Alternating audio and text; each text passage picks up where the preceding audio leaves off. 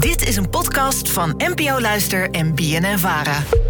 Hola, alledaagse vragen. De laatste tijd ben ik steeds vaker aan het pakken. Dan pak ik er boeken bij met recepten erin en dan ga ik lekker aan de slag. Maar toen vroeg ik me af, zijn er eigenlijk op recepten ook auteursrechten? Of zit er ook copyright op, net als bij muziek en films? Houdoe! Alledaagse vragen. NPO Luister. Huub uit Tilburg, dankjewel voor het insturen van je vraag. Merel, ben jij een eh, liefhebber van koken? Ja, maar niet voor mezelf alleen. Ik vind het leuk om voor mensen te koken. eh, maar ja, dat komt niet heel erg veel voor. En om nou te zeggen dat ik dan iemand ben die, die allerlei kookboeken uit de kast gaat trekken. Ja, ook niet echt. Dus je hebt, heb je wel een eigen geheim recept? Wat Ja, wij- ik heb gewoon een paar van die favorites waarvan je weet, daar zit ik altijd gewoon wel safe mee.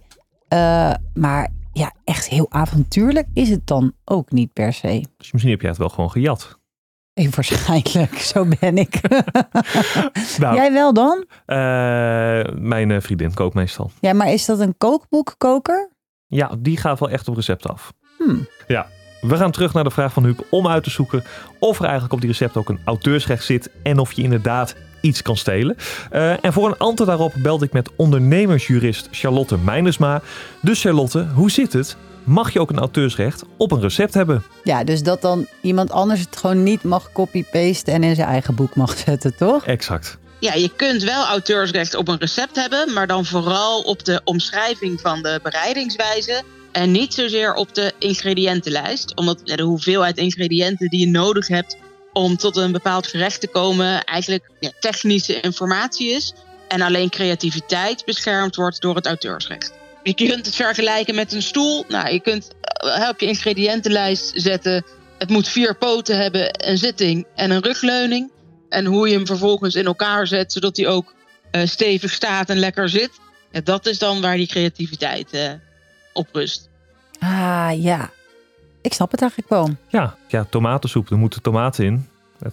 Succes. ja, het is het idee van de soep, dus Ja, daar kun je niet echt. Maar het gaat er dus om dat je exact eenzelfde recept kan hebben. Maar al doe ik net een andere volgorde van zinnen... of ik doe een of ander speels woordje erin... anders dan dat jij het zou opschrijven, is het al prima. Ja. Oh ja. En er zijn ook wel voorbeelden van, toch? Waar het wel een beetje mis is gegaan. Ik kan me nog een of andere Sonja Bakker eh, Ja, iets herinneren. Er was een paar jaar geleden dat Sonja Bakker inderdaad werd van beticht dat zij recepten zou hebben gestolen van bepaalde foodbloggers. En die foodbloggers zeiden ja, dat heb je van ons. En Sonja zei van nee, dat heb ik van, eh, van, ja, Van nee, dat- mezelf. ja, van mezelf, et cetera. Eh, dus er is wat over te doen geweest. Ja, precies. Maar Sonja is toen wel daadwerkelijk door de mand gevallen... omdat haar foto's heel veel leken... of in ieder geval eigenlijk identiek waren aan die van de foodbloggers. Dus doe dat niet. Nee, Alledaagse vragen. Merel, voor deze aflevering hadden we het ook even over geheime recepten. Oeh, ja, die zijn er heel veel bij eh fastfoodketens en bij gore frisdrankmerken. Nou, goh, hoor, jij bent toch een vervent Coca-Cola Zero drinker? Jawel, maar ik bedoel gezondheidstechnisch. Ja, Laat klopt. ik het even braaf binnen die lijntjes halen, want het is heerlijk hoor. Ja. ik geniet er met volle teugen van. Ik vond het toch ook wel eventjes iets wat we in deze aflevering moesten benoemen. En daarom vroeg ik ook aan Charlotte hoe het daarmee zit op het gebied van auteursrecht. Coca-Cola heeft inderdaad een geheim recept. Eh, KFC heeft dat ook voor hun kruidenmix bijvoorbeeld. Zij zorgen er vooral voor dat er maar een beperkt aantal medewerkers zijn die dat recept kennen. Zij krijgen in hun contract een heel streng geheimhoudingsbeding dat ze moeten tekenen. En als zij dan toch dat recept zouden delen, dan moeten ze gewoon een hele hoge boete betalen.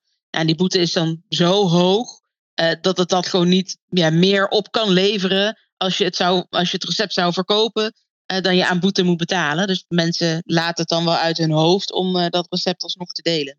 Ik dacht trouwens wel, maar dat heb jij ongetwijfeld uitgezocht, dat je, geheim kan niet. Want je moet gewoon door de voedsel- en, en warenautoriteiten heen goedgekeurd worden.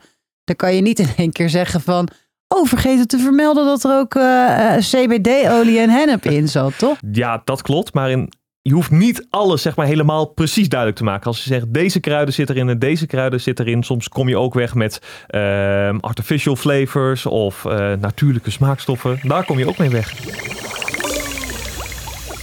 Dus Huub, vandaag zochten we voor je uit of er ook copyright zit op een recept. En het antwoord is nee. Een gerecht is een idee en op ideeën kunnen geen auteursrecht zitten. En hetzelfde geldt voor de bereidingswijze waarop je iets moet maken. Wel kan een copyright zitten op de manier waarop het recept is opgeschreven. Denk dan aan de tekst die bij het recept staat of de foto's. Maak je dus een receptenboek, dan mag je deze niet klakkeloos overnemen. Heb jij ook een vraag? Stuur ons dan een bericht op Instagram. Dat kan naar Alledaagse Vragen. Maar je, mag ons ook, maar je mag ons ook een mailtje sturen op alledaagsvragen.bnnvara.nl en dan zoek het voor je uit. Alledaagse vragen. NPO Luister. BNN Vara.